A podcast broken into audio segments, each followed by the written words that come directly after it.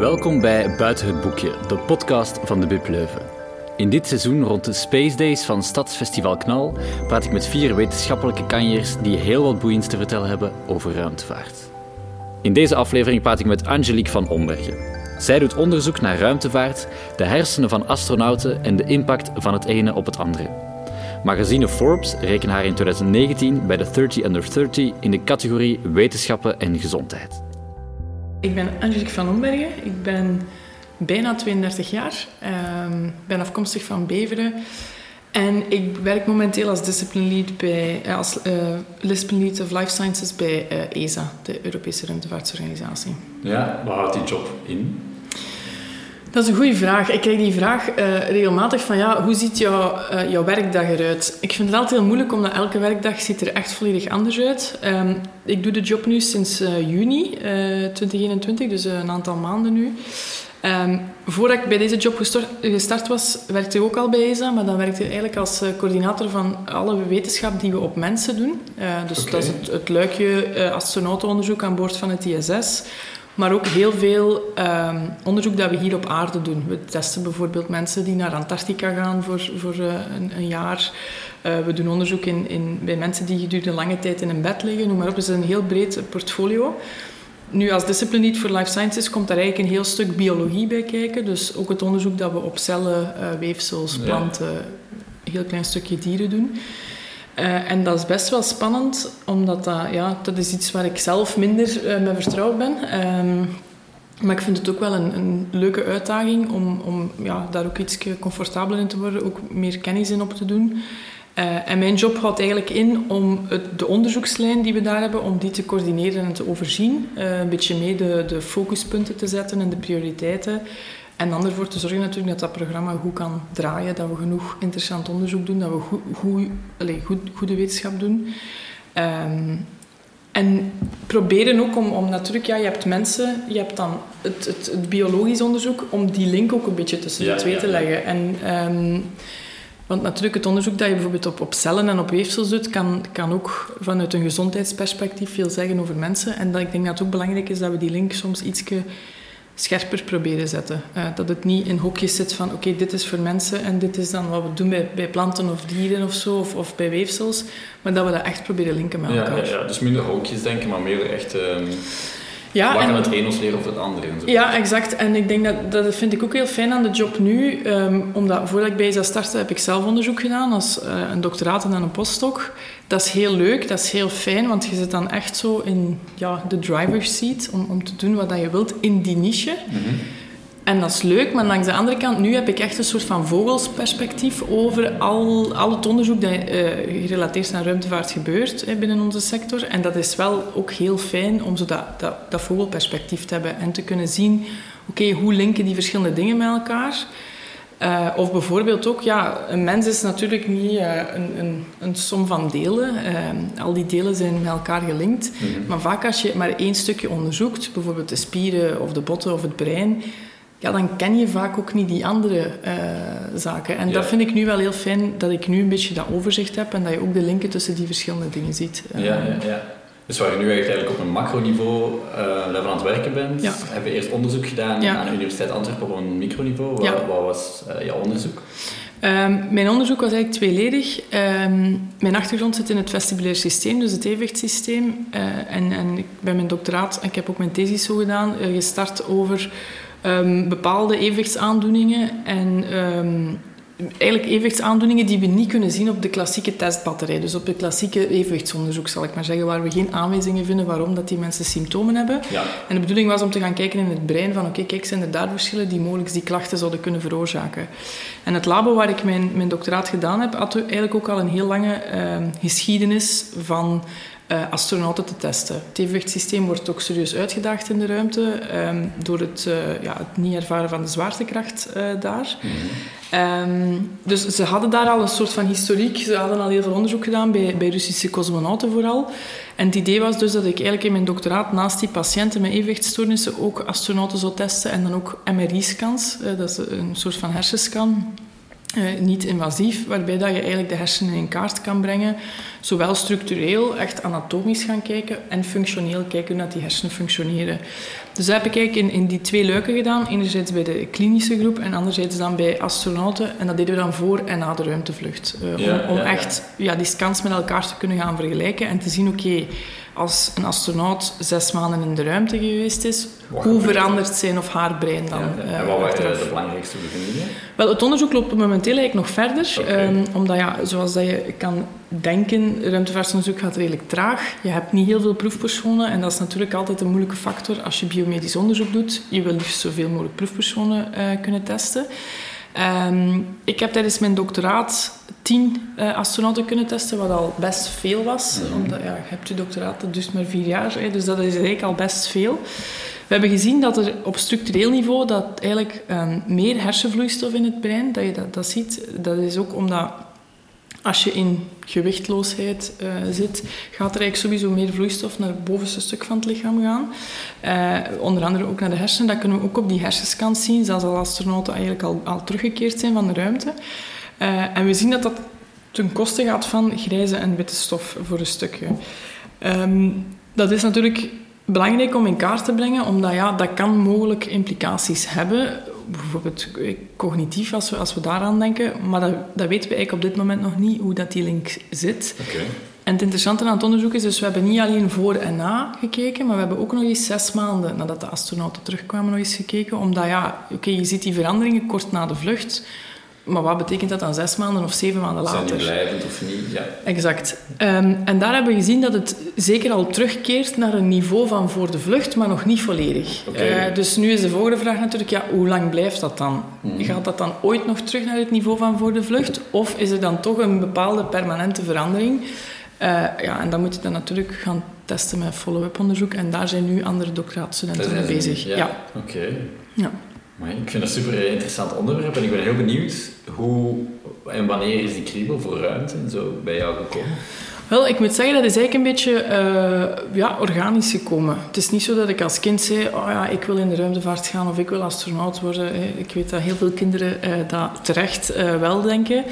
Bij mij was het meer zo dat... eh, ik was heel gefascineerd door het menselijk lichaam, sowieso. En ja, door wetenschap. Eh, gewoon de, de, de kunde van de wetenschap vind ik heel eh, interessant. Je, je, je test een hypothese, je doet dat aan de hand van een bepaalde methode. En, en ik vind dat sowieso... Dat, dat is iets dat mij enorm aanspreekt. Dus ik wist altijd wel dat, dat ik in de wetenschap iets wou gaan doen. Mhm.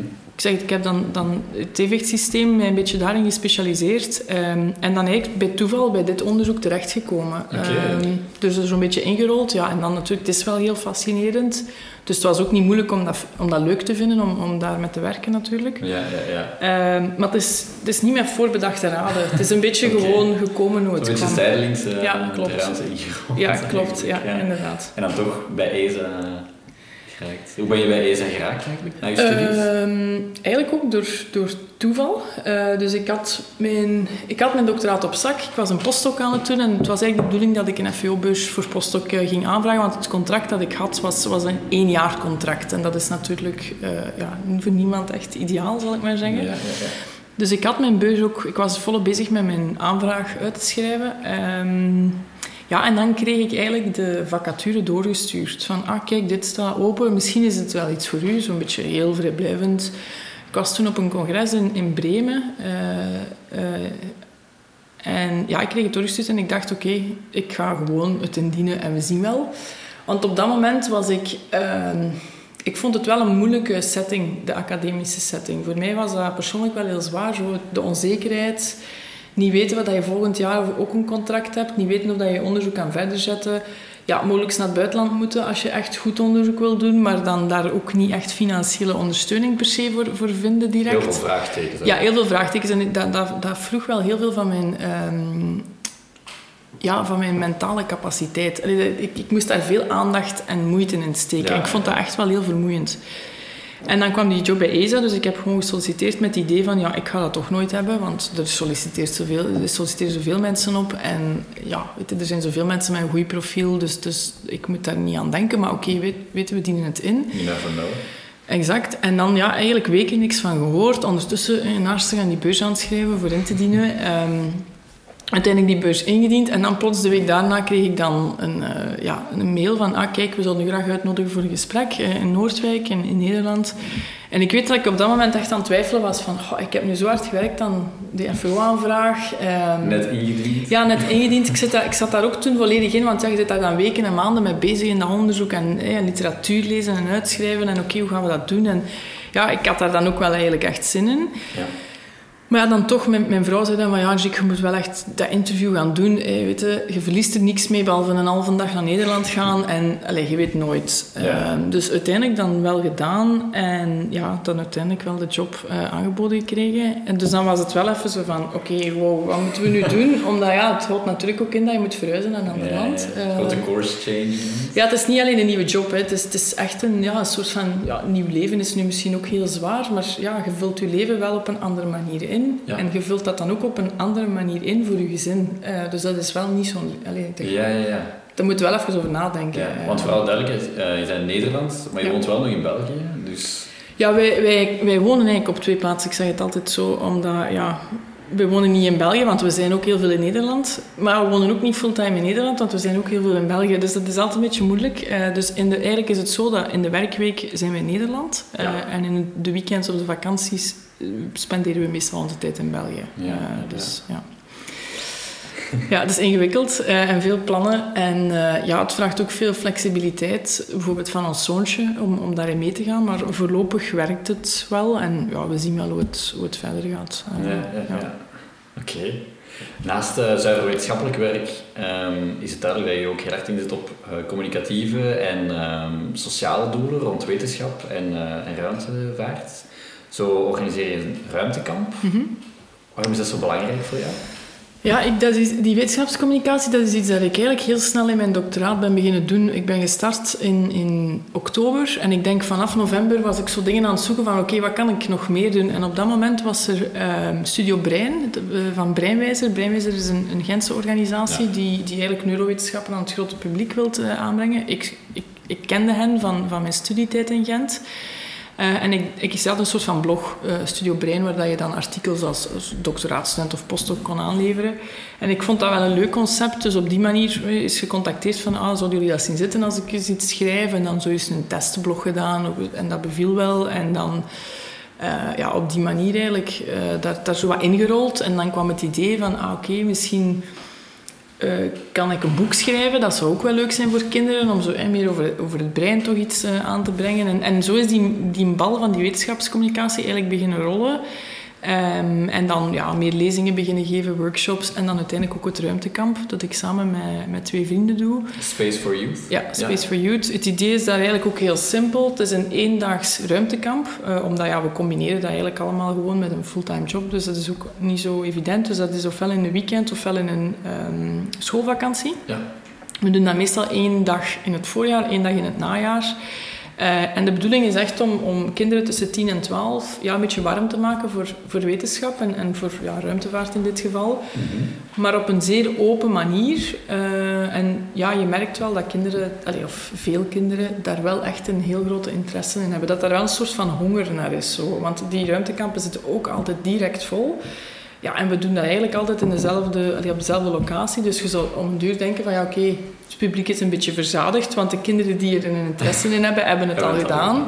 Maar, toch? maar dat blijkt toch niet zo te zijn. Um, en het is ook heel fijn dat, ja, dat die kinderen zo nieuwsgierig zijn en ja, dat eigenlijk in hun vrije tijd komen doen. Hè, want, en dat, dat, proberen we ook wel te doen, dat het niet te schools is. Dat het, zeer, ja. dat het gewoon een leuke dag is eigenlijk. Ja, ja, en ja, dat werkt wel goed. Dat is heel fijn om te doen. Ja, ja, ja. en ik denk, allee, ik, ik haal daar ook enorm veel voldoening uit. Omdat ik vind kinderen een heel, heel dankbaar publiek om voor te spreken of om met, met samen te werken. Omdat ja, ze hebben zo nog die onuitputbare nieuwsgierigheid en zo een beetje het idee van alles kan en alles mag. Uh, en dat is heel interessant om te zien, ook hoe dat zij nadenken over soms heel complexe thema's. De vragen die zij stellen, die vaak niet voor de hand liggend zijn, wat je zelf nooit aan zou denken, dat je, dat je als die vragen stelt, dat je soms denkt van, hoe kom je hier nu op? Zoals, Zo, is zo'n vraag dat je... Ja, ik kan nu geen, geen concreet voorbeeld geven, maar de, je merkt vaak aan hun vragen dat zij zoveel verder denken en dat zij nog veel breder uh, denken. Omdat ja, naarmate dat je ouder wordt En, en ik vind volwassenen ook heel fijn om voor te spreken hoor. Maar het is, het is meer zo, naarmate dat je ouder wordt, heb je je achtergrondkennis. Ja. Hè. Vaak le- lees je je in in een bepaald gebied als je daar een interesse in hebt. Ehm, je hebt ook misschien al een oordeel over bepaalde dingen. Je hebt daar een mening over. En die is soms heel sterk, soms Ja. meer genuanceerd. Maar dat, dat maakt niet uit. Maar ik, Er is al een heel denkpatroon. Exact. Ik heb het gevoel dat volwassenen vaak al in een, bepaald, eh, ja, in een bepaalde richting zitten. En dat zij ofwel dat willen bevestigen, ofwel daarin eh, willen te- tegengaan. Hè. Dus dat is altijd een beetje het ding. Dat kan heel, tot heel interessante discussies leiden. Maar ja, kinderen zijn gewoon nog zo... Die, dat, is echt zo, dat zijn een soort van sponsen. Die, die gewoon zo alles wat ze kunnen krijgen Ja, willen pakken. En dat vind ik heel... eh, ja, ik vind dat heel dankbaar om, om daar Ja, iets voor te kunnen doen. En ik weet dat ik het zelf als kind ook heel fijn zou gevonden hebben om zo'n dingen te doen. Ja. Ehm, ja, en ik probeer daar ook altijd wel zo... Het is zeker niet mijn bedoeling om eh, alle kinderen eh, te bekoren tot de wetenschap. Eh, het is volledig oké als kinderen zeggen... Goh, dat is nu echt is niks voor mij. Ik voel me daar... dat interesseert me niet. Of, of dat, ik heb daar totaal geen klik mee. Dat is echt prima. Maar ik vind het wel belangrijk dat kinderen het gevoel hebben dat ze het wel kunnen doen als ze het willen. Eh, en dat vind ik... Dan merk je wel dat dat ook heel goed werkt met bijvoorbeeld ja, boeken schrijven die voor, voor hun op kinderen gericht zijn, met, met lezingen geven of, of ja, dan de, de ruimtekampen. Ehm, en ook de ouders zijn daar heel vaak, dat de ouders komen en dat ze ook zeggen van... "Goh, Ik ben zo blij dat onze dochter of onze zoon dit nu kan komen doen, want ze zijn zo nieuwsgierig. We weten vaak niet meer wat we moeten aanbieden. En ik denk dat nu wetenschapscommunicatie, zeker ook met de pandemie, is alive and kicking. En dat is ook wel fijn, vind ik. Ja, Eh, en ja. ik vind het ergens ook een beetje... Ik moet er altijd wel mee opletten, want ik weet dat niet iedereen dit ermee akkoord is, maar... Ik vind het ook wel eens een plicht als wetenschapper. Omdat heel vaak doe je onderzoek met, met ja, publiek geld, hè, met, met belastingsgeld. Of, of, en ik vind, zowel bij ESA als tijdens mijn doctoraat was dat het geval. Ik vind het dan ergens ook maar logisch dat je toch een beetje teruggeeft. Eh, en dat je toch probeert terug te koppelen. Of dat je zegt van waarom dat je dingen doet, waarom dat je bepaalde dingen nog niet weet. Omdat ja, wetenschap allee, heeft zo vaak de, de, de kanttekening gehad van ja, hé, wetenschappers zitten in een ivoren toren en ze komen daar niet uit en zo. Ik vind het wel belangrijk om, om daar zoveel mogelijk uit te komen Ja, en om ja. toch... Wetenschap is ook meer dan in een labo zitten en een onderzoek doen en dan zotte uitvindingen. Er zit zoveel meer achter. Het is Ja. proberen en falen en opnieuw proberen en dat duurt heel lang en dat is heel frustrerend en zo. Vaak de zotste dingen komen bij toeval en zo. Dat vind ik ook wel gewoon een belangrijke eh, Ja. les om te geven. En natuurlijk, het meest belangrijke denk ik is, is kritisch denken. Eh, om niet gewoon alles aan te nemen wat dat op je afkomt. En dat is denk ik zeker in een maatschappij zoals vandaag, waarin ja, informatie van alle kanten komt, dat het niet moeilijk is om, om, om informatie te krijgen, dat je wel kritisch moet blijven denken. Want Ja. niet alles wat op je afkomt is ook ja, credibel en, en geloofwaardig. En dat, is, dat vind ik wel eh, belangrijk om, om die les aan kinderen te geven. Ja. Het is wel ontzettend nobel, vind ik, om zo de cirkel rond te maken, zelf aan wetenschap doen en dan inderdaad teruggeven aan de hand van een eh, kinderkamp en zo de cirkel rond maken, want die kinderen kunnen dan geïnspireerd geraken om, om eh, Ja. Zelf in de wetenschap... eh, Ja, Iets wij- te nobel. Het is gewoon, ik doe het ook gewoon heel graag. Va- vaak vragen mensen, ja, waarom, wa- ja, waarom doe je dat? Maar ik vind het gewoon superleuk om te doen. En vaak stel ik me die vraag altijd, hè, van, want ik, ik doe die dingen vaak in mijn eigen tijd, dus s'avonds en in de weekends. Ik heb een redelijk zware job die veel vraagt. Dan nog eens met de combinatie met België en Nederland, dat vraagt heel veel tijd van ons, ook als gezin. En dan soms denk ik bij mezelf van, "Goh, waarom heb ik nu ja gezegd om dit in het weekend te gaan doen? Of om dit op een zaterdag of op een zondag te doen? Maar dan doe ik dat en dan daarna besef ik weer direct, ah ja, daarom doe ik dat. Omdat ik daar gewoon enorm veel voldoening uit krijg. En ook omdat mij dat, eh, ja, ik weet niet, dat, dat geeft me dan weer energie om dan in mijn job te steken. Of, allee, zo, ik weet niet, het is zo... Ja, het vraagt veel, maar je krijgt er ook wel heel veel van terug. En dat vind ik, zolang als dat ik dat heb, wil ik dat ook heel graag blijven doen. Denk, mocht het alleen nog dingen vragen en dat je niks van terugkrijgt, ja, dan moet er mee stoppen. Want dan denk ik ook niet dat je een goed rolmodel aan het zijn bent. Ja. Voor, voor kinderen bijvoorbeeld. Als je er tegen je zin moet gaan staan, dan, dan heeft het weinig eh, nut natuurlijk. Maar ja, voorlopig haal ik er nog veel eh ja, uit. Dus, ja. Je doet dat niet alleen aan de hand van de jeugdkampen, maar je schrijft ook eh, educatieve kinderboeken. Mhm. Zoals eh, Reis naar de maan over de ruimte en In mijn hoofd over het eh, menselijk brein. ja, reis naar de sterren. Reis naar de sterren, sorry. Ja, geen probleem. Geen probleem. Heb je altijd al kinderboeken willen maken of is dat dan ook iets dat zo stelselmatig gegroeid is?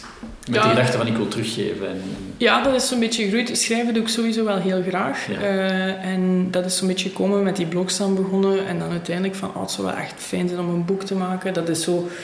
Als je graag schrijft, denk ik dat de mensen die dat hebben, willen, willen wel misschien graag ooit eens een boek maken. Eh, en dan dacht ik van, ja, weet je, ik heb eigenlijk niks te verliezen. Ik kan het maar eens voorstellen, suggereren en zien wat de uitgeverij zegt. Dus ik heb dan contact opgenomen met Lano, omdat zij op dat moment, en eigenlijk nu uiteraard nog altijd steeds, maar zij hebben een heel sterk eh, non-fictie eh, aanbod, aanbod voor kinderboeken. En niet elke uitgeverij heeft dat per se. Dus vandaar dat ik zoiets had van, ah ja, Lano is wel de uitgeverij dat ik daarin wil contacteren en zien of zij samen iets willen doen. Mailtje gestuurd en dan met het idee van, ja kijk, ik ga je gewoon een mail terugkrijgen van, ja, wegens het grote aanbod of wegens de, de grote vragen kunnen wij niet ingaan, eh, zoiets. Eh, maar dan, ja, volledig onverwacht dan toch een mailtje gekregen van, ah ja, we zien dat wel zitten, misschien moeten we eens afspreken samen om te kijken of dit iets wordt en, en hoe dat we dat dan zouden vormgeven. Ja, en zo is die bal eigenlijk aan het rollen gegaan. En dan eh, was in mijn hoofd was er dan eerst. En dan, ja, dan is de, de drempel is dan ook natuurlijk kleiner om dan ja, nog andere Ja. boeken te maken. Ja. Zeker omdat je dan ook al de samenwerking met de uitgeverij hebt. En dan zo, ja. En ja, dat is ook een beetje verslavend eh, in dat aspect. Omdat, ja... Ja, dat is zoiets... Dat is zo'n soort van... Ik vind dat... Ik vergelijk dat eigenlijk wel een beetje met een wetenschapsproject. Je zet daar zo even volledig je focus op. En, en dat is dan zo... Hè, je, hebt- je, je begint daaraan en eerst weten ze niet goed... Oh ja, oké. En dan begin je zo zelf te lezen in andere kinderboeken van... Kijk, hoe kan ik nu best een boodschap aan de man Ja. brengen? En zo... eh, Structuur Ja, structuur. En hoe wil ik het aanpakken? En wat wil ik er nog bij betrekken? Ja. Eh, en dat is zo'n heel, heel lang proces. En zeker bij een kinderboek, omdat daar heel vaak ook illustraties eh, bij zitten. Dus uw tekst is... Ja, je schrijft die, maar dan komen die illustraties nog. En dan moeten we nog eens teruggaan naar die tekst en Ja, samen ja, met de illustraties. Dus vaak is dat een proces van twee jaar. Hè, tussen het starten en dan effectief uw boek vast hebben, eh, zal ik maar zeggen. Ehm, en ik vind dat ook wel, dat is wel een heel fijne eh, ervaring zo. eh, omdat ja, vaak zit je dan zelf ook al iets ouder of heb je weer al andere inzichten en dan probeer je dat nog in die tekst te krijgen. En dat is zo'n heel, ja, heel leuk, maar wel intensief proces. En ik zeg het is zo'n beetje verslavend, ehm, wat dat niet goed is, want ik zeg het vraagt ook heel veel werk om de boeken te schrijven. En het laatste boek, dat komt nu binnenkort in januari uit, ehm 321 superslimme dingen. Dat is eigenlijk een reeks die al bestond. Ik heb eh, mee het wetenschapsboek geschreven. Dat komt dus in januari volgend jaar uit. En dat is wel, dat was echt gigantisch veel werk. Ehm, Ja. ja, dat was echt heel veel werk. Omdat ja, natuurlijk ook, ik, ik pak daar dan vakantie voor om dat te kunnen doen. Omdat ik kan dat niet combineren met mijn Ja, job. ja. En ik ben ook zo niet, niet iemand die gemakkelijk schrijft in zo stukjes van een uur. Ik heb echt zo een Je dag of een paar ja, dagen ja, nodig. ja. Om, ik had Om met, focus. ja, met, met wetenschappelijke publicaties of zo. Ik heb daar echt gewoon even zo tijd voor nodig om dat te doen. Ja. Maar ja, ik had dus drie weken vakantie eh, genomen om te, om te schrijven. Eh, Vakantie om te Ja, werken. ja, vakantie om te werken eigenlijk. Ehm, maar dat was zoveel werk. En ja, 321 weetjes is echt heel Dat zijn veel. wel een heleboel, ja. Eh, dus ik had zo voor mezelf, oké, ik heb zoveel dagen, want het was met feestdagen dan ook vorig jaar. Dus oké, ja, kerst kan ik niet werken en dan nieuwjaar ga ik dan ook niet werken. Dus ik had zo uitgerekend, oké, ik heb zoveel dagen, ik moet zoveel weetjes schrijven, dat zijn er dan hè, 30 per dag of zo. Maar dat is echt... Het is echt heel moeilijk, omdat ja, de eerste, want dat zijn dan ook in verschillende reeksen, biologie, chemie, fysica, noem maar op. Ja, de eerste 10 of 15 zijn altijd heel gemakkelijk, maar dan moeten er zo nog 15 vinden. En dan wordt het echt wel moeilijk. eh, Ja, en ik kan me voorstellen, als je voorbij de 100 geraakt, dat je Ja. dan soms wel denkt, heb ik ze niet allemaal gehad? Ja, exact. Maar dan, dan zit je nog niet in een derde eigenlijk. Voilà. Dus is echt... ja, dat, dat was echt een heel lang... ehm, allee, het was super fijn ook, zo, want achteraf is dat dan ook heel jammer dat dat dan weer gedaan is natuurlijk. En oké, daar gebeurt dan nog redactie op en je moet nog dingen... En dan, ja, dit weet je is toch te ingewikkeld of dit vinden we toch niet goed. Dus dan is dat niet gedaan. Hè. Maar zo die, die, die eerste marathon, zo zal ik maar zeggen, die dan wel achter de rug. Eh, maar ja, dat is tegelijk, tegelijkertijd is dat een heel fijn gevoel. Maar dat is ook wel heel zwaar, want ik heb dan vaak tot s'nachts doorgewerkt, omdat ik het anders gewoon ook niet afkreeg. En dan s ochtends dan terug opstaan. Ja, we hebben dan ook een zoontje, dus dat, ja, die vraagt ook uiteraard tijd. Eh, die was dan vroeg wakker. Ja, zo echt wel, wel heavy. Maar ik kijk er wel naar uit om het nu binnenkort... Ja. ehm, Maar het is wel afgeraakt in die het is wel afgeraakt, ja. En is er daarna nog iets aan te komen? Of Is ja, uh, dus dit boek komt nu binnen een paar maanden uit. Ik denk, we zijn nu zo in de laatste fase van het boek. Uh, en ja, ik, ik zou heel graag nog... Allez, ik kan me niet inbeelden dat de honger gestild is om geen boeken meer uh, te maken. Dus ik heb wel nog een paar ideetjes. maar even eerst... het is nu een heel druk jaar geweest. Um, zowel op professioneel als persoonlijk vlak. Dus ik denk dat het belangrijk is om ook even soms eens een pauze te pakken. Ja, uh, dus ik ga dat misschien wel moeten doen. Allee, om, om, ja, om ook, allee, ik zeg het om het duur, zit veel nieuwe job, allee, of nieuwe jobfunctie dan ook op het werk. Mm -hmm. Dus, dus er zijn heel veel dingen en ja, je kunt natuurlijk niet je pijlen op tien dingen tegelijkertijd schieten, want dan doe je het meestal toch allemaal niet, niet optimaal en dat is denk ik ook niet de bedoeling. Um, maar ja, er gaan zeker nog boeken volgen. Oké. uh, naast u zo inzetten voor de jeugd, mm -hmm. zet je ook heel in op, over de positie van vrouwen en um, over gendernormen in de wetenschap en in de ruimtevaart enzovoort. Is de wetenschap vandaag nog een dominant mannelijke wereld? Um, ja, ik denk dat het simpele antwoord daarop ja is, maar dat is natuurlijk geen simpele vraag. Dus nee. een het, het, verdient ook geen simpel antwoord. Het is, het is, veel genuanceerder en complexer dan dat. Ik denk dat het al veel beter is dan enkele jaren geleden. Net vooral omdat er meer aandacht voor is. Mhm. En ik denk dat dat een heel belangrijke eerste stap is. Bewustwording van een bepaald probleem. Want ik denk dat dat een model is, de wetenschappen of de academische setting in het algemeen ook, dat, dat is zo dat is, eigenlijk is dat, als je daar historisch naar kijkt, is dat gemaakt voor mannen. Omdat er vroeger ook alleen mannen waren die onderzoek deden mm. of, of aan de unie werkten. Um, en dat systeem is zo, staat zo onder druk, de dag van vandaag ook, dat het zo um, moeilijk is om als jonge onderzoeker uh, daarin verder te kunnen groeien. En ik denk dat vrouwen daarin gewoon inherent iets meer benadeeld zijn dan mannen. Maar dat maakt niet dat het voor mannen een gemakkelijk gebied is of, of een gemakkelijke uh, setting.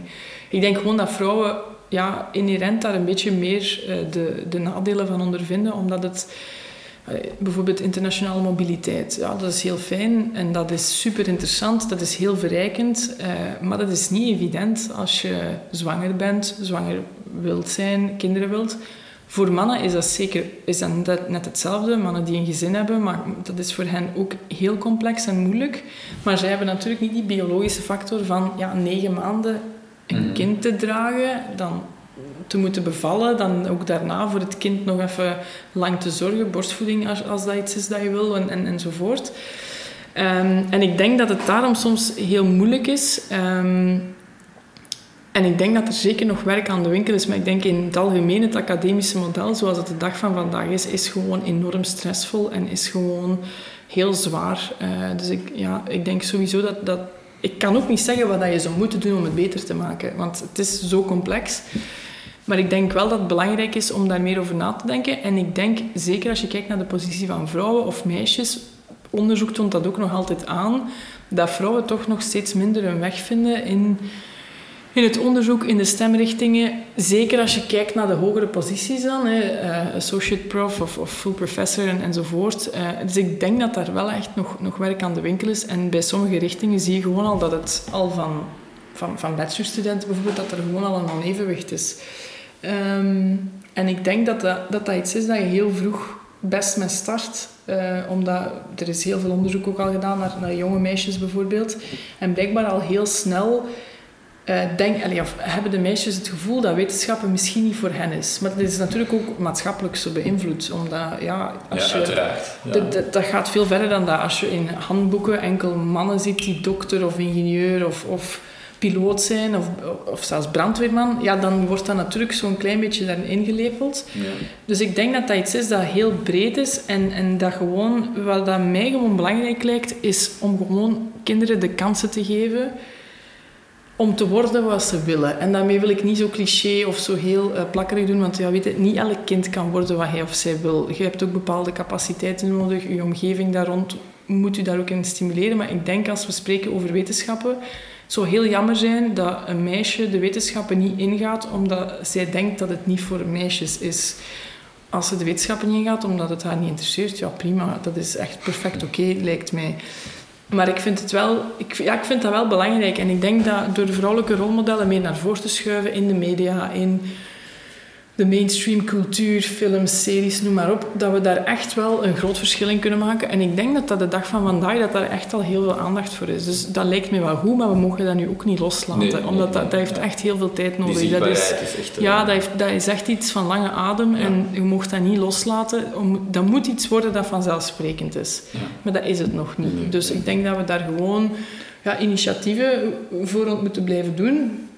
Maar waar ik altijd een beetje ook van, van mij oplet, is om dingen enkel voor meisjes te doen. Omdat dan heb je weer die andere groep niet mee. Dus ik vind het gewoon belangrijk om zowel voor jongens als voor meisjes dingen te doen. Uh, omdat ook jongens moeten het binnen x aantal jaar normaal vinden dat het labo misschien geleid wordt door een vrouwelijke prof. Ja. Zonder zich daar vragen bij te stellen. Uh, dus ik vind dat je daarin... Okay, soms is het goed om zo'n extra incentive of, of initiatief te pakken voor de meisjes specifiek.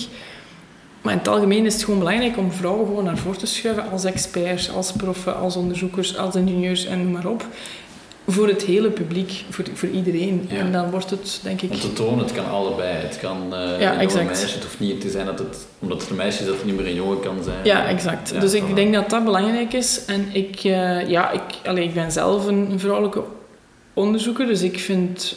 Goh, ja, moet ik dat nu zeggen? Maak ik daar mijn missie van? Nee, maar ik vind wel dat en dat is ook iets dat je vaak merkt. Journalisten bijvoorbeeld zeggen dat ook, ja, wij bellen vaak vrouwen, maar die zeggen nee, omdat het onderwerp bijvoorbeeld niet volledig binnen een, vakgebied ligt. Maar ja, vaak spreek je voor, voor, voor zo'n breed publiek dat het eigenlijk ook niet uitmaakt. Want dat is soms ook wel moeilijk, want ik, heb dat in het begin ook gehad van, ja, maar dit is eigenlijk niet echt mijn ding. Ik vind dat nu zelfs vaak nog heel moeilijk. Um, Zeker bijvoorbeeld met, nu, met het stukje biologie dat ik er nu heb bijgenomen. Ik kreeg onlangs de vraag om te spreken over uh, space uh, agriculture. Dat is echt iets dat ik anders zou zeggen van nee, totaal, dat is totaal mijn vakgebied niet. Maar dan zeiden ze bij ze ook van ja, maar kijk, dat valt nu wel binnen uw vakgebied. Het is voor een breed publiek, het is voor kinderen ook. Doe dat gewoon. Um, maar dat, zijn, dat vraagt ook wel wat... Dat is niet altijd evident. En ja, je moet er soms over... Dus daarom dat ik het... Ik probeer het zoveel mogelijk te doen... En, en ik hoop dat het ja, zowel jongens als, als meisjes kan inspireren. En ik zeg het, het is ook prima als het hen niet inspireert en als ze zeggen het is echt niks voor mij. Allee, dat lijkt mij echt goed. Het is maar gewoon een kans geven. Ja, het is gewoon het aanbieden. En dan kiezen de kinderen zelf. Het is een beetje hetzelfde met speelgoed bijvoorbeeld. Wij proberen echt heel bewust voor ons zoontje alles aan te bieden zodanig dat hij gewoon de keuze heeft. En ja, ons zoontje is gewoon echt heel typisch jongen in, in dat aspect. Als hij mag kiezen, dan kiest hij auto's ja, alleen, we hebben poppen bijvoorbeeld ook. Ja, die poppen, dat interesseert hem echt niet. Maar ze zijn er wel en misschien interesseert het hem binnen een half jaar wel. Maar we proberen het wel zo, ja, zo breed mogelijk te doen. En dan is het aan hem om te kiezen wat hij hem het best bij voelt. Ja, denk dat dat, zonder hem beperkingen op te leggen. Ja, ik denk dat dat het beste is wat je kan doen. Maar ook niet gaan pushen in een bepaalde richting. Ook niet zo van, ja, je moet nu met poppen spelen. Want allee, ik, ik denk dat dat sowieso niet uitmaakt. Maar ik denk gewoon het aanbieden. En dan is het aan de kinderen eigenlijk om te kiezen. Oké, daar voel ik mij het best bij. Maar dat is een maatschappelijk debat. debat dat is iets dat op, op het niveau van de maatschappij moet gebeuren. Je kan dat niet alleen in de huiskamer doen, want je kind gaat naar school, gaat naar de crash, uh, gaat dan verder in school, gaat dan naar de jeugdbeweging. Gaat, dus, dus dat, gaat verder dan komt terecht in de maatschappij, dus de thuissituatie is niet voldoende. Lijkt me niet, maar daar begint het natuurlijk wel mee. Uh, en ik denk dat daar ook wel nog soms een beetje daar kan ook wel nog veel gedaan worden. Toen wij bijvoorbeeld uh, zwanger waren van een zoontje en we gingen de geboortelijst leggen, kregen wij soms echt van die vragen van ah ja, maar je hebt de jongenskleur gekozen. Uh, je hebt de meisjeskleur gekozen. Ja, en dat was dan zo roest. En dan denk ik van, hoe, hoe kan dit nu een meisjeskleur zijn? ik bedoel, het is toch niet dat een een geslacht is, heeft, heeft niet gelinkt aan een kleur. Zo, zo die mentaliteit, dat moet er zo uit, vind ik. Zo. Die er wel nog fel in zit. Die zit er nog heel fel in. Of zo, dan, dan hadden we zo'n speeltapijt voor op de slaapkamer en dan was de reactie direct van, van die vrouw dan... Ah, daar kan hij dan met zijn autootjes op spelen. Ja, en het ding is, ze had gelijk, want hij speelt er nu ook met zijn autootjes op. Maar, maar ja, hoeft niet vooraf bepaald. Ja, exact. Zo al die, die inname van, ah ja, het is een jongen, ja, hij gaat sowieso met de autootjes spelen. Zo dat, daar heb ik zo wel een beetje moeite mee. En daar probeer ik, proberen wij wel heel bewust mee, mee om te gaan.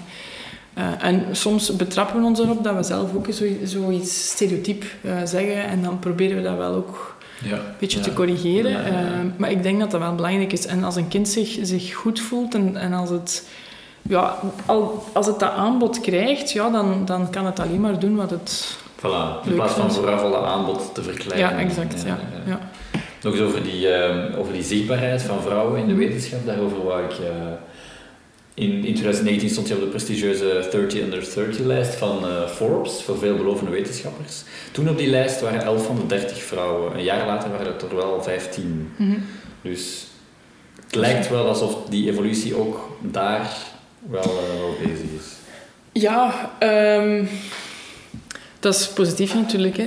Ik denk dat het echt iets moet worden waar niet meer over nagedacht wordt. Snap je? Dat, dat je dat niet meer zou moeten tellen. Ja, ik snap dat je gewoon zoiets hebt van, kijk, ja, dit is gewoon... Dit, dit weerspiegelt heel goed wat we in de maatschappij zien. En dat is prima. Mhm. Maar dat heeft heel veel tijd nodig, lijkt mij. En uh, het kan perfect ook zijn dat er dan eens een jaar is waarin er drie vierde eh, mannen zijn. Als dat dan ook zo is, dan is dat zo. Maar dan wordt, dan wordt dat geen ding meer. Dan is het gewoon zo. En dan kan het misschien ook eens zijn dat er drie vierde vrouwen zijn. En dus, dus ik vind dat je eigenlijk een beetje moet evolueren naar een situatie waarin dat je niet meer moet tellen of dat je niet meer moet zeggen van goh, je zijn nu toch...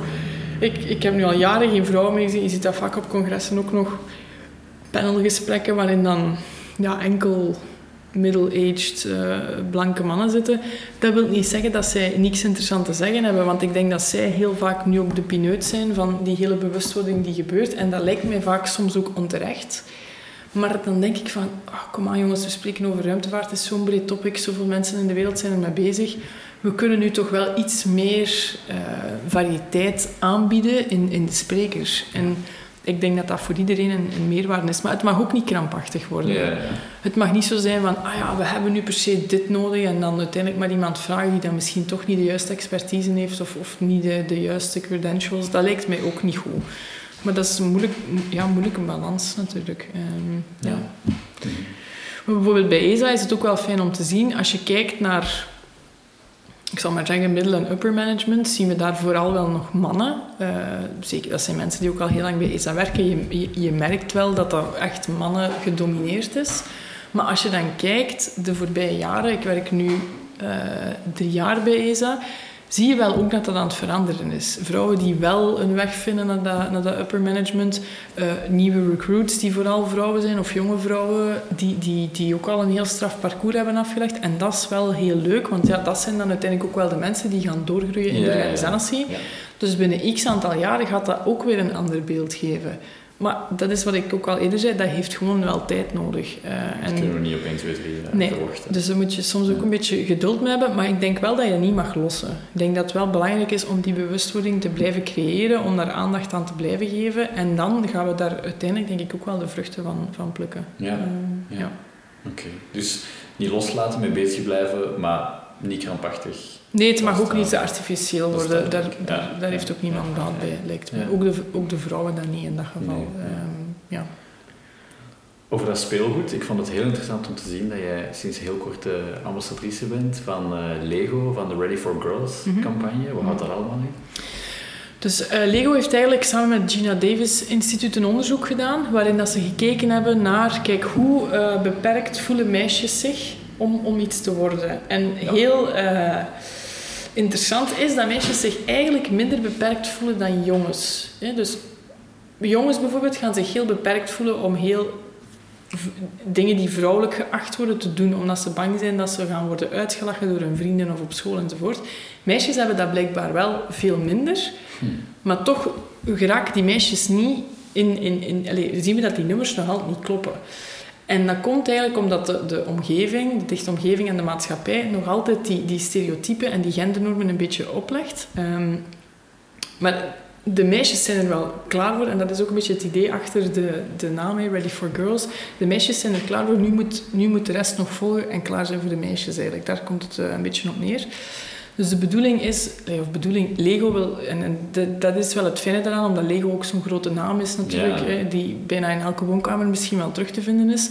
Het is echt de bedoeling, eh, ze hebben ook een stappenplan en, en tips voor, voor ouders gecreëerd om ervoor te zorgen dat ja, dat meisjes ook het aanbod krijgen om bijvoorbeeld met Lego te spelen. Ouders zien Lego nog heel vaak als iets dat voor jongens is en wordt heel vaak niet aan meisjes aangeboden. Terwijl dat ook voor hen natuurlijk heel... Ja, het kan hun creativiteit uh, stimuleren. Uh, het kan, kan... Ja, in het algemeen kan, kan het ervoor zorgen dat ze zich uh, verder gaan ontwikkelen. En Lego wil daarom zorgen dat het eigenlijk meer inclusief spel is.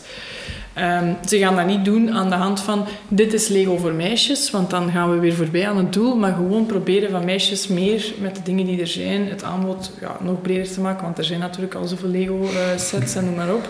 Ja. Ehm, en dat is natuurlijk een initiatief dat ik, ja, dat ik heel graag ondersteun. Gewoon omdat ik denk dat we dat zijn de stappen die dat je nodig hebt. Het zijn eigenlijk, daar, daar, daar verandert het stapje per stapje mee. Ik zeg nu niet dat, nu dat de campagne gelanceerd is, dat het morgen opgelost is. Maar het zijn wel, als ik zeg het, als grote merken zoals Lego daaraan meedoen, dan kan je misschien toch wel iets, iets, iets veranderen. En dat is wel heel goed om te zien dat er ook bij hen toch uh, aandacht voor is. Ja, exact. In de podcastaflevering met Frank de Winne hadden we het onder andere over de zoektocht van ESA naar nieuwe astronauten. Mm -hmm. Heb jij kandidaat gesteld? Nee. Oké, heb je getwijfeld? Ik heb eventjes getwijfeld, ehm, maar dan heb ik, had ik eigenlijk heel snel door dat ik, uh, dat ik eigenlijk niet zo'n goede astronaut zou zijn. Gewoon omdat het is niet per se iets dat ik uh, aspireer om te doen. En ik denk dat ik in mijn job nu mhm. meer kan betekenen voor de wetenschap en voor eh, de, voor de ruimtevaart in het algemeen en daarmee wil ik niet zeggen dat ik een heel groot impact ga hebben. Hè, maar binnen wat dat ik zou kunnen doen, denk ik dat ik in mijn job nu veel meer kan doen dan dat ik als astronaut zou doen. Ik denk dat er andere mensen zijn die een veel betere astronaut of astronauten zouden zijn dan mij. Mhm. Ehm, en dat ik nu in mijn job die ik heb eigenlijk wel echt goed zit. Uh, dus ja, ik, heb, allez, ja, ik weet niet. En omdat ook, ook vind ik, en um, ja, dat is ook niet zo evident. Oké, de kans is natuurlijk heel klein dat je geselecteerd wordt, maar dat is een keuze die je maakt voor de rest van je leven en die je ook maakt voor je gezin en je vrienden en je familie.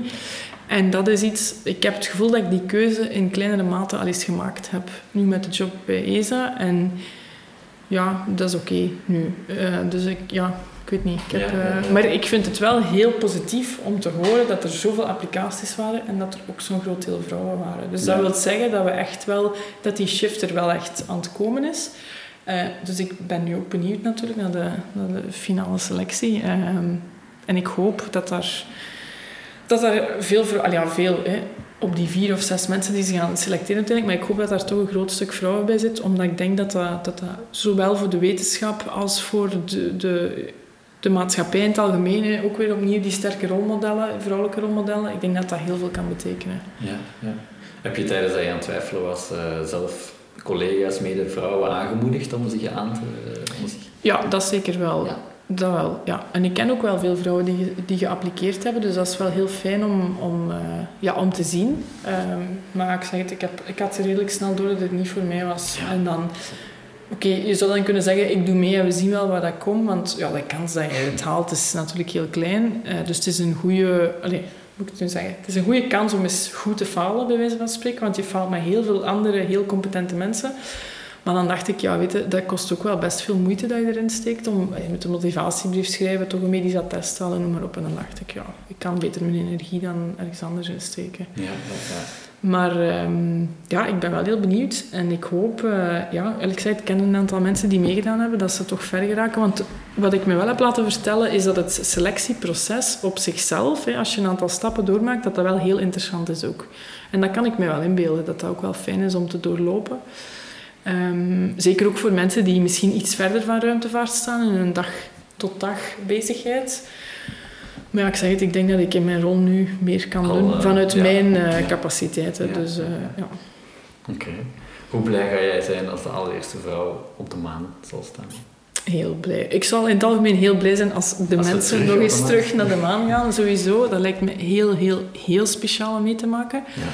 Um, ik, ik, ik denk dan altijd aan die Apollo-missies. Dat moet zo een, een zo zotte ervaring geweest zijn. Omdat, zeker toen in die tijd, dat zoveel jaar geleden het idee dat, dat mensen naar de maan... Allee, ja, ik, vind, ik vind dat een heel zot concept. Ehm, en ja, dat moet, dat moet heel speciaal geweest zijn. Mensen over de wereld die verzamelen rond één kleine tv en zo. Ja, dat moet, nu zal dat natuurlijk een andere invulling krijgen, maar uh, dat lijkt me wel heel speciaal.